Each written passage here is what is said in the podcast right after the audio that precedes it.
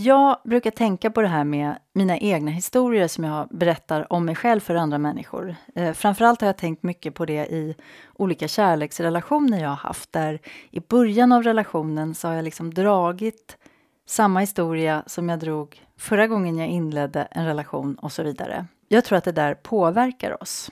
Idag ska jag inte prata om mig själv och mina egna historier utan idag sätter vi Anna i heta stolen. Jag heter Maria-Pia Gottberg. Jag heter Anna Eriksson Skarin och du lyssnar på Känslosmart, podden där tanken möter känslan. Bra Anna, jag häller upp lite te så att du eh, får ångestreglera här när vi sätter dig i heta stolen. ja, precis. Och jag har ju med min termosmugg här. Så jag... Du vill ha påfyllning där ja, också? Ja, precis. Ja, men det ska du få. Så är det någon som surplar, det kan ju vara båda två, men det är förmodligen jag. Okej. Okay. Eh, och vi har ju... Um, Ja, precis. En, en rutin vi har är ju att efter podden när vi stänger av, det är att vi springer på toaletten. ja, så att, eh, nu, och den, den traditionen ser ut som att kunna bli verklighet idag också. Ja, men absolut, med mm. den här enorma mängden te som vi har mm. framför oss. Vill du börja checka in utifrån att jag, jag nu också sa att jag sätter dig i, i heta stolen? Mm. Ja, och när vi bestämde det här så, så kändes det som en jättebra och rolig idé. och, och nu känner jag så här, nej, det känns jättejobbigt. Hur vet du att det känns jobbigt? Beskriv, hur, hur vet du det i din kropp? Alltså jag, jag, dels så märker jag att jag sitter ju, alltså jag har ju så här, benen i kors till exempel, och så sitter jag nästan aldrig. Uh, och så hör jag mig själv det är tufft jobb att redigera sen. Ja, ja, ja. precis. Och att jag blir lite forcerad. Ja, ah, jag pratar lite så här. Mm. så, så vet jag det. Ja, ja okej. Okay. Behöver du någonting för att lämna det tillståndet eller är det okej okay att vara där du är? Nej, men nu har jag fått två koppar te här så det, det är lugnt. Nej, men jag känner, jag känner mig trygg. Alltså det här, det här är ju inget, det är inte farligt det jag känner nu. Jag, jag, alltså det jag tänkte är liksom, ja men, är det något jag är rädd för? Är det något, apropå det här med att ta skit som vi pratade om i förra avsnittet. Er har vi ju faktiskt, när det känns, när man upplever de känslorna jag, jag har nu, så är det ju vettigt att ställa sig frågan så här, ja men känner jag det här obehaget för att jag behöver liksom sätta en gräns eller för att det här inte känns okej? Okay? Jag har ju faktiskt ett val att säga att nej men jag vill inte det här.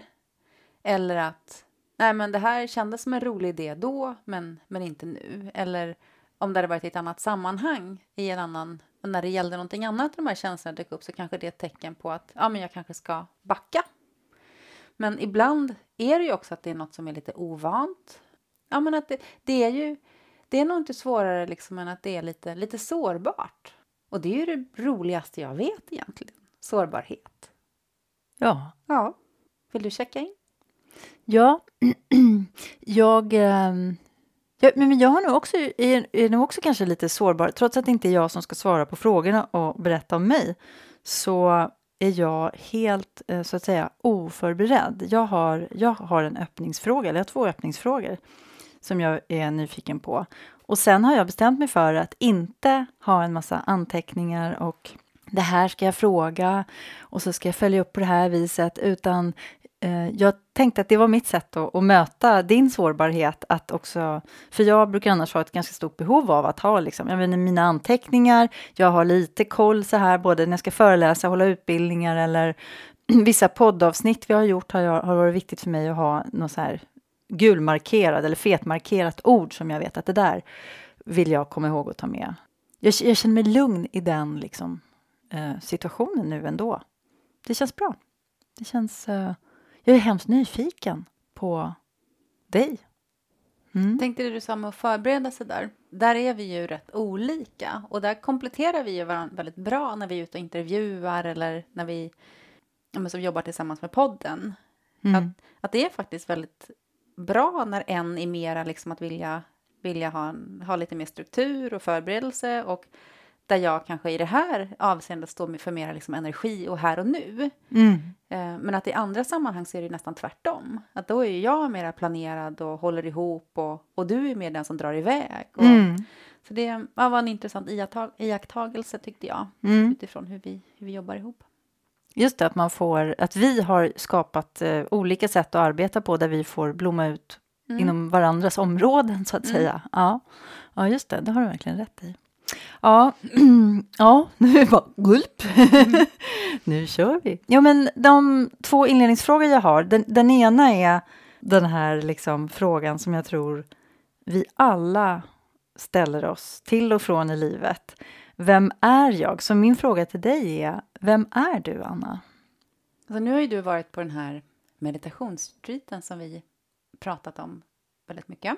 Och utifrån liksom den existentiella bakgrunden, det finns ju många svar på frågan liksom, vem är du? Men jag tänker ju att jag och alla människor, vi är ju vi är här på jorden för att lära oss saker och att uppleva oss själva utifrån liksom det perspektivet som man får i en kropp. Om man ska vara väldigt esoterisk. Och där vårt jobb är att låta våran, våran kreativitet och det vi har med oss, att låta det veckla ut sig på ett sätt som, som skapar liksom största möjliga nytta, eller så skapar så mycket gott som möjligt för, för världen. Med bakgrund i det, liksom, vem jag är, så, så är jag ju då en människa som jag tänker att... Alltså det jag är väldigt bra på det är ju att ta komplexa saker och göra dem enkla. Jag är bra på att, att förmedla kunskap på ett, på ett bildligt sätt. Ja, men jag är en historieberättare, kanske man skulle kunna säga då. Jag är nyfiken. Jag är rastlös. Jag är intresserad av väldigt många saker. Och i takt med att jag blir äldre så, så börjar jag kunna se att det inte handlar om... Alltså rastlösheten handlar inte om någonting som jag behöver liksom försöka att få bukt med. Att det är inget problem, utan den här rastlösheten, det är ju... Ja, men jag tänker liksom som förr i tiden innan man hade kartlagt hela jorden så behövdes det ju människor som var nyfiken på liksom, ah, men hur ser det ut där, hur ser det ut där? Att man börjar kunna se, jaha, men då ligger det där och då ligger det där i relation till det. Att det behövs ju, behövdes ju människor som, som var ute och utforskade. Och jag tänker att jag är en sån här utforskare och, och som sen då knyter ihop olika områden för att kunna skapa en begriplig helhet som, som hjälper oss att förstå saker. Var det flummigt? Inte i mitt huvud. Nej. Nej. Var det flummigt för dig? Mm. Jo, men det var det nog. Och när jag pratar så ser jag hela tiden bilder i huvudet. Snarare än att jag tänker fram saker så, så är det som att jag liksom beskriver det som jag ser. Och så är det när jag, när jag skriver också, i bästa fall, alltså när jag har, har flow. Eh, när jag har liksom kontakt med den här kreativa kraften så, så är det som att jag ser en film i huvudet och jag jag skriver ner det jag ser och det jag hör att karaktärerna säger och det de gör och, och det jag upplever att de känner. Så för mig är ju, är ju den kreativa processen, eller överhuvudtaget liksom att leva, så handlar det om att ja, men jag upplever att jag är någon sorts mottagare och att jag, när jag liksom har, har lyckats ratta in liksom rätt frekvens så är det som att den här kunskapen kommer. Kreativiteten och kunskapen och, och när jag hade skrivit första boken då när jag hade kommit i kontakt med liksom att, att fått syn på den här pro- processen och jag förklarade den för folk, då, då blev jag ju så här av rätt många, alltså du vet mentalsjuk förklarad. för att det är, nej men det är inte så det går till. Man hittar på sina historier. Nej men jag hittar inte på mina historier. Jag kan hitta på historier också. Men de här böckerna som jag har skrivit, de har jag tagit emot. Eller det här, det här som jag pratar om nu, det, ja, men det, det är sånt jag ser. Eh, Och sen skulle man ju, ja, det, vi pratar, man pratar om att kanalisera och ditten och datten och ja men visst, det kanske är, är det jag ägnar mig åt. Men jag skulle liksom inte riktigt, jag tror att det är, det är det vi alla ägnar oss åt i viss utsträckning Mm. på vissa om, områden. Men då, då blir jag nyfiken. Du, du nämnde det att du ser det som filmer. Ser du allting i rörliga bilder eller också stillbilder? Alltså jag vet inte om det spelar någon roll riktigt faktiskt i mitt huvud. Alltså det är inte, nej men det, jag, jag tänker det mer som saker som är i rörelse, som är i dynamik. det du, du har pratat om en hel del nu, det här med att ja, men ingenting är, är konstant, utan saker uppstår och försvinner. Och jag tänker att det är liksom det som är själva grejen med, med det, det jag upplever också, eller det jag tar till mig, att det, ja, men det, det är en version, så här kan man se det. Men jag får inte till mig det som att det är ett svar, eller ja, this is it. Ja, jag, jag, jag får liksom, jag ser en vinkel av någonting. Och om en stund så får jag en ny. Är du i, om vi ser, om vi ser det här som en, en, film eller en föreställning av något slag, är du i det hela eller ser du det på, ut, liksom från ett perspektiv, en distans? Är du nära de här? När jag är, är i liksom det kreativa flödet så, så är jag en betraktare. Men jag, jag kan ju liksom skapa filmer i huvudet där jag ser mig själv också. Kommer jag bli inlåst nu, Maria-Pia, tror du? Jag vet inte. Jag, vi, vi, ska snart lägga på här och ringa 112. Nej, men jag, jag, frågar för att jag tycker att det här är så intressant hur, hur, man, eh, hur vi tänker. Att man kan tänka i ord, man kan tänka i bilder, stillbilder i filmer. Är man i det man ser, upplever, känner eller är man en betraktare av en film eller en bild? Och, och, att vi faktiskt kan, om man vill, om man är det minsta intresserad, är nyfiken på det, så kan man ju gå in och ändra de här liksom, modaliteterna. Eh, att kliva in i, eller kliva upp på scenen och vara en del av föreställningen eller sätta sig i salongen och titta. Eh, man kan höja volymen på ljudet eller man kan göra det mörkare eller ljusare och se hur det påverkar ens upplevelse och så. Det, det är bara mitt eget så här, privat intresse, eller privat, ja. Jag är väldigt intresserad av det, hur vi kan liksom tänka på flera sätt än det som vi vanligtvis gör, det här spontana. Liksom. Så här går det till när jag tänker. Och, och det är ju, är ju, hänger ju ihop med kanske frågan där, alltså vem, vem är du? Något mer som kommer till dig, vem mm. du är? Sen finns jag ju liksom i en, en, en, fysisk verklighet också. Då är jag ju gift sedan 15 år. Jag har två barn som är 12 och 14, två killar som håller på att bli väldigt stora. Och så har jag en liten hund och så bor jag i ett hus och jobbar som kommunikationskonsult. Och där jag är så här totalt oflummig. Och vad innebär det att du är totalt oflummig? um, att jag um, tar mig an uppdragen utifrån, utifrån det min, min kund eller uppdragsgivare då vill, vill ha gjort och utifrån de specifikationerna. Så och, men där har jag ju liksom god nytta av, av, kreativiteten, men där är ju inte kreativiteten det som är centrum, utan då är kreativiteten mer ett verktyg för att, att få saker gjorda. Att, um, och där har jag ju nytta av att jag är, är, bra på att förklara komplexa saker på ett enkelt sätt också, till exempel. Men jag och min man pratade igår om det här med att ja, men vad, vad skulle man göra liksom, om, man, om man inte behövde försörja sig? Jag skulle ja, men nog faktiskt inte göra så himla mycket annorlunda utan jag vill ju ha gott om plats för, för kreativa projekt. Men jag tror att i, eller att det är väldigt viktigt att också ha uppdrag där, ja, men där man behöver förhålla sig till verkligheten och människor och strukturer och, och sånt. Att det, liksom, det håller en på jorden. Det, man behöver liksom fast mark under fötterna. Eh, och jag såg en liten film med Gwyneth Paltrow häromdagen där hon då berättade att hon hade fått en Oscar när hon fyllde 28 och eh, hon sa att ja, det som händer är att liksom folk börjar flytt, alltså, ta bort hindren i ditt liv. Att du, att du får liksom ett friktionsfritt liv när du blir, upplever så mycket framgång. Och hon sa att ja, efter ett tag då, då, tog min pappa ett snack med mig. Han satte mig ner och så sa han till mig så här You're kind of turning into an asshole.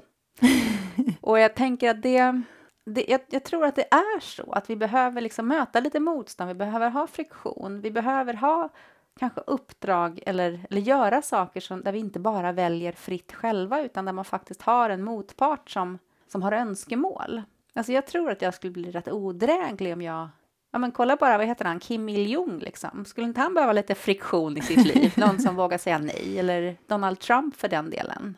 Jag tror att det är livsfarligt att, att inte ha det där, den här friktionen. Och för mig är det både väldigt lustfyllt och, och, och innebär friktion. Att... Och friktion i form av eh, andra människor då? Ja, andra jag. människor, och som tycker saker och som inte liksom säger ja mm. hela tiden. För jag tänker att om jag inte behövde försörja mig så finns det nog risk att, att jag bara skulle omge mig med människor som bara säger ja. då skulle jag få plats. Vadå? Då skulle jag få plats. För jag säger ja till dig. Gör du Ganska det? mycket tycker jag. Ja. ja. ja. Jo, Eller? ja. ja, något annat som, som eh, är liksom Anna. Alltså det jag tänker sen är ju musik. Att jag är ju mycket musik. Jag eh, sjöng ju mycket under min uppväxt och eh, skrev lite låtar när jag var, kanske gick i låg och mellanstadiet. Och sen stoppade jag liksom undan det där med musik och, och skrivande i jättemånga år. Sen började jag sjunga mer igen, liksom när jag var ja, men typ i 30-årsåldern. Men då stod jag liksom och sjöng i köket väldigt mycket när jag lagade mat och tänkte inte mycket mer på det. Men sen skrev jag min bok och i och med att jag gav ut den själv så var det rätt många människor som hörde av sig och undrade hur gör man? Och en av dem som hörde av sig var Eva Hillered som har skrivit Lathund för låtskrivare som är faktiskt utgiven av Norstedts tror jag. Men de vill inte ge ut en nyupplaga. Men eftersom hon hade så mycket folk som hörde av sig och ville, ville köpa böcker så bestämde hon sig för att men jag trycker upp den själv. Och då frågade hon mig hur man gjorde. Och sen så bjöd hon mig på lunch som tack för hjälpen. Och under den lunchen så berättade hon om en låtskrivarkurs som hon håller varje år på Kreta. I Ländas på Kreta. Ja, men i och med att det här var, ja men det kan ha varit typ februari och den här kursen var i juni och i och med att jag inte tror att saker som ligger ja, men mer än tre månader i framtiden kommer att hända. Så sa jag ja, det är klart jag ska åka. och så bokade jag upp mig och bokade biljetter som var, inte var ombokningsbara för att jag visste att om jag har en chans att dra mig ur det här så kommer jag göra det. För att inte sjungit inför folk sedan jag var 12, spelar inget instrument, har inte skrivit en låt. Ja, men du vet, jag var fullkomligt okvalificerad. Men Eva hon sa, nej men det, det, kan, det vem som helst kan åka. Det, det går jättebra. Ja, då gjorde jag det. Det var jättespännande att, att åka dit. Och jag fick så fantastiskt mycket myggbett och jag undrar om det var för att jag svettades så himla mycket så att, att myggorna hade så himla lätt att hitta mig, att de liksom flög runt alla andra. För att här var det en som och Svettades för att det ångade. var varmt eller för att det var liksom utmanande? Eh, nej, för att vara utmanande. Ja. Eh, och det var liksom varenda moment på den här kursen. Men från att sjunga upp, du vet, i grupp till att eh, ja, skriva låtar, till att man... Det man gör på såna här kurser är att man eh, typiskt sett då, att man får ett antal timmar på sig att skriva en låt tillsammans med en annan person. Och sen ska man komma tillbaka och redovisa den här låten då inför gruppen. Så att jag befann ju mig antingen precis innan något skitläskigt, mitt i något skitläskigt eller precis efter något skitläskigt. Så ja, nej, men det var ju ren, ren skräck. I, eh, Det fyrades av en och annan adrenalinkanon alltså. Jo, men absolut. Men det som hände då, om det var så dag fyra på den här kursen, det var ju att jag, ja men bokstavligen så kände jag så bara, shit, jag knäckte koden och fick tillgång liksom till, ja men vers och brygga, refräng och, och, och då, jag har under, under många år har jag liksom gått och hört så här eh, melodisnuttar i huvudet och sjungit små, små bitar liksom av låtar. Men där var det som att ja, min upplevelse då var att jag har gått runt med liksom en skål soppa framför näsan i hela livet och en gaffel. Och att på den här kursen då så fick jag tillgång till en sked. Det innebar då att, att, det, var, att det var ju som en massa låtar som hade vet, legat på vänt i huvudet som bara rann ut. Och där det var liksom snuttar som, som hela tiden återkom fram tills dess att jag liksom skrev ner dem. Vilket år var det här? 2013. Mm. Min upplevelse är att jag efter den kursen att, att jag hade liksom någon sorts molande längtan eller någon, det var någonting som liksom saknades som jag inte riktigt visste vad det var. Men att jag efter det så var det som att det var något som stillnade i mig. Så därför så tänker jag att, att det hänger ihop också med vem jag är. Ja, men jag är en sån som, som skapar musik. Alltså det finns mycket, du, du kan säkert fortsätta hur länge som helst också och hitta vem du är. Men om vi vänder på steken, vem är du inte? Jag är inte den jag tror att jag behöver vara för att passa in. Kanske. Vad innebär det? För att fungera i ett, i ett liv, i ett samhälle, på en arbetsplats eller var man nu liksom befinner sig så är det ju en massa sociala kontrakt och sätt som man ska uppföra sig på. Och det är ju jättebra att man känner till det och att man följer det i viss utsträckning förstås. Men det är inte den jag är. Jag är ju inte mina kläder och jag, jag är ju inte min bil och jag är inte det jag bjuder på liksom till middag. Jag är inte mina prestationer. Jag är inte mina misslyckanden. Finns det någonting som du upplever att du inte är som du skulle önska att du vore? Alltså ibland önskar jag ju, eller ganska ofta önskar jag att jag, att jag vore vanlig. Och liksom vanlig i det, i det avseende att jag, att jag tror att det finns människor som, ja, men som, som alltid känner att de trivs och passar in och är rätt liksom, och är populära och, och så. Och, och, och som en sån, sån enkel sak som att som, som har ett, ett, ett jobb på ett företag och gör liksom karriär i traditionell mening eh, och som, är, som trivs med det. Ja, men som, som känner att ah, men shit, den här mallen som vi har skapat, den passar mig. Mm. Finns de? Människorna alltså? Alltså i mitt huvud finns de ju. Jag tror ju att de finns. Och jag tänker att nu med sociala medier så är det ju, är det ju väldigt många som försöker och liksom, det är den bilden av oss själva som vi gärna vill visa upp. Att ja, men jag är en sån som passar in, jag är en sån som funkar. Jag är en sån som trivs. Jag, jag, är, jag är en rätt person. Men alltså jag känner mig rätt ofta liksom väldigt fel, eller har gjort i alla fall. Eller i många sammanhang känner jag mig fel. Vilken typ av sammanhang kan det vara där du känner dig fel? Ja, men främst i, i sociala sammanhang där man liksom inte riktigt har något syfte med det, utan det ska bara liksom, man ska bara planlöst umgås. Det tror jag är liksom, det är mitt sämsta. Som, vad, vad händer då? Vad, vad, när du, säger, alltså du säger så här, det är mitt sämsta. Vad, alltså, hur vet du det? Vad, på vilket vis märker Ja, du det? jag- Och, och är det någonting som andra märker? Jag känner mig olustig och jag känner att jag inte vill, vill vara där. Så det är väl det som känns. Ja, men du vet som när man, eh, när man känner sig bara, gud alltså, mina armar, de bara hänger här. Vad, vad ska jag göra med mina armar? Alltså, och, och benen, de bara, ah, och så du vet hela kroppen bara är som att den är bara i vägen och det finns liksom inget man kan göra. Ah, min, min hals liksom, ah, och huvudet bara, ah. ja, men det, det, ja, det är jag tror som jag att, förstår eh, precis. ja. Ja. Och det, det, det är där vi nutidsmänniskor har vår stora, liksom, vi, kan ta, vi kan ta upp vår mobil när våra Mm. armar bara hänger där liksom, Mm. i vägen. Där man inte vet var man ska fästa blicken och Och jag har ju tagit bort mina sociala medier-appar, så inte ens det kan jag göra längre. nej, nej, men du kan kolla på, har du inte SMHI-appen? Man kan kolla, jo, kan man kolla, precis, hur ska vädret bli? För det är ju Ja. ett populärt Mm. samtalsämne. Eh, så här års framförallt, när vi spelar in det här är det ju sommar, Mm. juli. Eh, då pratar vi gärna om vädret. Ja, och så ska man fråga folk vad de ska göra på semestern också, eller, om, eller när, har du gått på semester? Och så inser man så här, ja, fast jag har ju inte riktigt ett sånt jobb, så jag kan inte ens ge en vettig, ett vettigt svar på det. Men hade du velat vara en sån där person som jobbar på ett, i ett företag eller någon slags organisation och gjort då den här karriären och varit liksom nöjd med det, glad med det, känt att där, jag gillar den här mallen, att hade, hade du velat byta till en sån eller hade du velat praoa lite i en sån människas som, du, som finns då i ditt huvud? Jag är Mm. inte säker på att de finns, men det var egentligen två frågor. Hade du Ja. velat vara en sån eller hade du velat praoa och förstå, vara inne i en sån kropp för att utforska?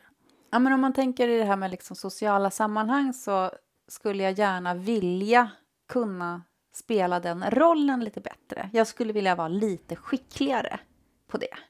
Sen är jag ju den jag är och jag, jag trivs rätt bra med mig själv och jag tycker att ja, men jag har fått en jättespännande personlighet som, som är otroligt mycket enklare att hantera när jag har blivit lite äldre. Det var inte en rolig personlighet att ha i tonåren kan jag berätta. Det var otroligt påfrestande. Eller mellan 20 och 30. Ja, men idag önskar jag mig att jag skulle kunna spela det sociala spelet. Ja, men det är liksom som att, att det är ett, Ehm, ett brädspel Jaha, och så har jag fått en liten gubbe och så slår jag med tärningen. Jaha, tre steg. Mhm. Nähä, och nu ska alla springa åt det hållet. Jaha, så nu har de dragit ett kort. Och skulle jag också dra ett kort? Eh, jaha, och nu gör alla så där. Och, och nu, jaha, oj. Så att det, det är på något vis som att det här, det här um, sociala spelet är ett brädspel med liksom ett oändligt antal liksom kombinationer och, och permutationer som jag inte riktigt fattar. Mm. Och jag vet inte om det är att jag liksom inte ids eller om det är att jag faktiskt inte kan.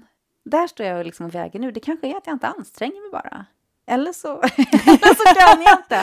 Men inom, inom näringslivet, där, som i, i konsultrollen ska jag säga, funkar det väldigt, funkar det väldigt bra.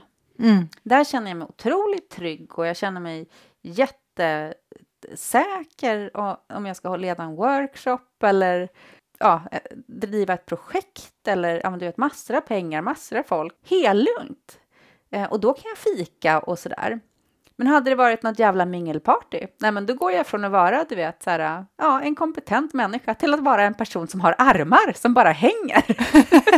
Men har det då att göra med alltså att du har eh, en identitet i ditt professionella liv och en annan identitet eller jaguppfattning i ditt privata? Alltså är det det du ser som en skillnad där eller? Alltså det undrar jag om det är så att jag, att jag liksom har lärt mig att spela spelet för att jag ser poängen med det i, liksom, i yrkeslivet och att jag liksom har, har låtit bli att lära mig att spela spelet i det privata för att, för att jag liksom inte riktigt, ja, what's in it liksom för mig. Mm, mm. Men, men hur är det med såna här... Eh, jag är också nyfiken på det här just med de här historierna liksom som vi har och berättar om oss själva. Och det kanske är där någonstans i det här vi, området vi pratar om nu, liksom det professionella, att man tar på sig sin liksom, kostymen och så går man till jobbet och så gör man sitt jobb och gör det briljant. Och sen så ska man göra liksom, motsvarande aktivitet i privatlivet och så känns det på ett helt annat sätt på insidan. Men har du någon sån här historia om dig själv som du kan se att du har liksom... För det här skulle kunna vara en sån historia, tänker jag. Mm. Eh, Jag vet, Jo, jag har ingen aning. Men, Ja. men, men har du någon sån historia om dig själv som du har hört dig själv berätta och återskapa om och om, om igen? Som du känner att ja, men den har jag lust att berätta om här i podden. Jo, men en historia som jag berättar är ju just det här att jag är väldigt dålig på det. Eh, och att jag är impopulär och att jag är, ja, att jag inte har en, en den sociala kompetensen i liksom rent privata sammanhang. Och det hör jag ju mig själv säga rätt ofta. Och jag är rätt trött på mig själv. Och, Ja. och, Vad, för, vad, vad tänker du då? Vad, vad är det som gör? Vad är det för mekanismer? Vad, är, vad, vad har du fått ut av att berätta den historien för dig själv och för andra? Alltså det jag tänker på det är ju att det skulle kunna vara att jag faktiskt egentligen inte vill. Men att jag då istället berättar en historia som handlar om att jag inte kan. Och vad, vad är, vad, om du skulle liksom nagla fast skillnaden mellan att inte vilja och inte kunna? Jo, till exempel om, om jag ska ut och springa så kan jag ju säga att men jag kan inte, för jag är trött. Eh, Men det handlar ju om att jag inte vill egentligen. Sen är det ju inte fel att, att inte vilja någonting. Och jag tänker att kanske är det så att jag inte har liksom gett mig själv rätten att säga nej med mindre än att jag inte kan någonting. Hänger du med? Mm, mm, jag tror det. Att det skulle kunna vara så att, ja men att, ja men jag vill inte det här. Ja, men, men det, är ingen, det är ingen anledning till att låta bli. För att inte ut och springa, ja men då, då är en vettig anledning att, att du har 40 graders feber. Att det blir någon slags eh, begränsning, ett sånt där osynligt staket som du har snickrat ihop för egen del, eller? Nej, men snarare tvärtom. Att, att jag tycker inte att det, att det jag önskar och det jag vill har någon, ja, någon dignitet. Mm. Så att bara för att jag liksom har ett önskemål eller en önskan om någonting så räcker inte det. Utan jag behöver, jag behöver liksom en, en, en ordentlig anledning. Och vad, skulle, vad är en ordentlig anledning Ja, då? men till exempel att, att vara sjuk, i det här fallet med springa. Men att inte faktiskt kunna spelreglerna i det här brädspelet. Eller att, att jag kanske till och med liksom fantiserar fram ett, ett brädspel som är mycket mer komplext än vad det är. För att jag egentligen inte vill sitta ner och spela. Så jag säger att "Nej, men jag vill inte. Eller, eller jag, jag, jag klarar inte det här. Det är för, det är för svårt. Mm. När det egentligen bara, ja men jag roas inte av det här. Mm. Så det jag har lurat på är att ja, men jag kanske behöver titta på det på något annat sätt. Att, eh, för jag tror att det som gör att jag inte vill det är att jag gör mig själv så väldigt fel i de här situationerna. Så att istället för att, att säga att ja, men jag vill inte, skulle jag ju kunna avgränsa det och säga att ja, men jag, jag gör det här en stund, eller nu gör jag det här under några timmar. Och ja, men jag kanske inte är bäst i världen på det här, det är inte det roligaste som finns, men ja, det, det, det är där det är liksom. Och det... Är det liksom en... en alltså jag tänker att om man, om man berättar en historia så kan man ju byta ut den mot en annan historia. Skulle det kunna vara en annan historia att berätta som skulle gagna dig, eh, som skulle hjälpa dig att göra dig själv mindre fel? Eller skulle det vara någon helt annan slags historia som du skulle behöva berätta? Ja, men jag tror att det är definitivt en historia som skulle kunna funka. men jag känner liksom ett motstånd.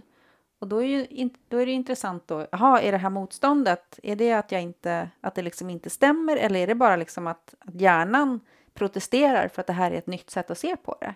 Att den här liksom idén om att jag är hon som står där med armarna eh, och jag är impopulär och ingen vill, ingen vill ha med mig att göra och, och, så fort jag går på en fest så, så kommer folk tycka illa om mig för att jag liksom inte, jag är inget trevlig på fester.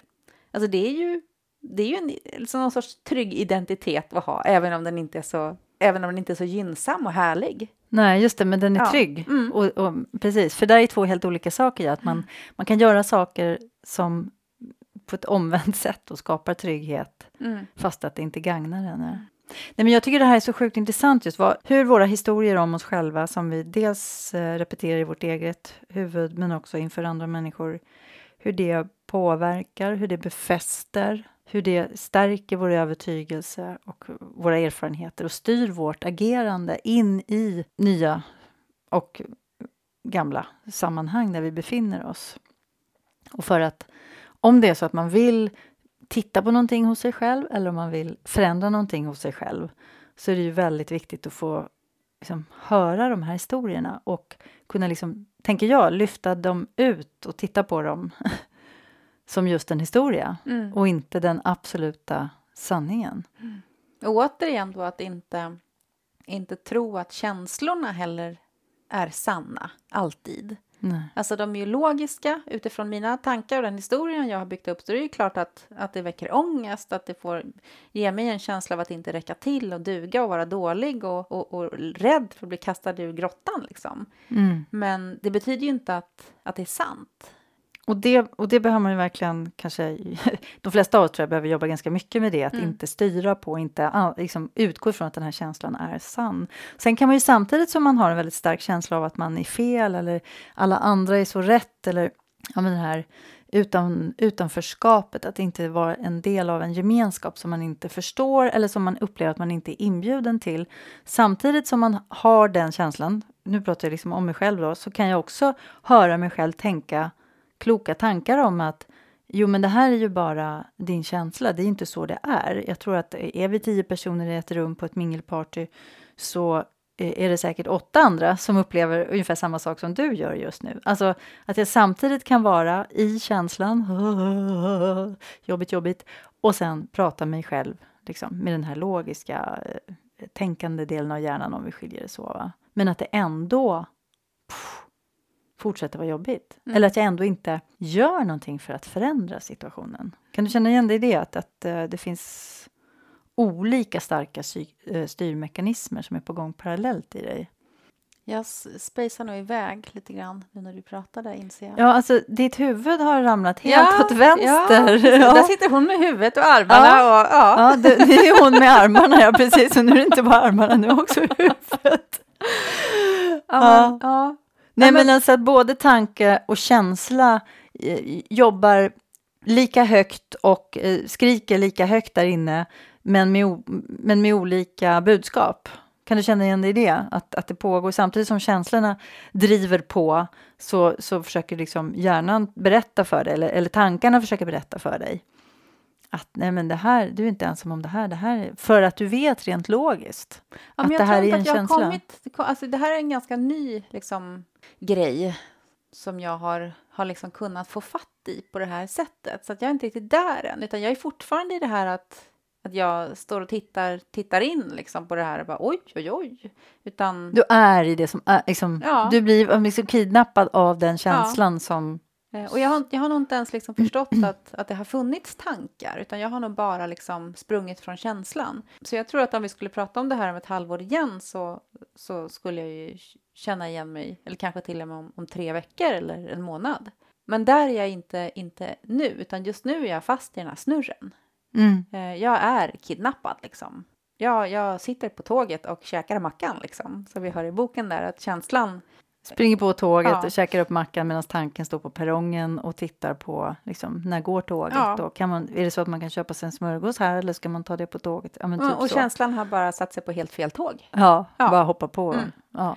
Så, ja, men så, så där, där är jag Mm. med det. Men, Mm. men det Men du är medveten om att du blir kidnappad? ja, jo men precis. Ja. Så, så, så någonstans har jag Så, och det är ju börjat- ett, ett slags metaperspektiv Ja. i det hela. Mm. Och jag tror att den här problematiken, den har ju... Många gånger så har vi ju liksom någon sorts tema i livet. Liksom. Vi har, vi har liksom problem som dyker upp i olika skepnader. Och det här att bli bortvald och, och att göra fel på något sätt som, som sen upplevs som så allvarligt av omgivningen att jag liksom straffar ut mig för tid och evighet.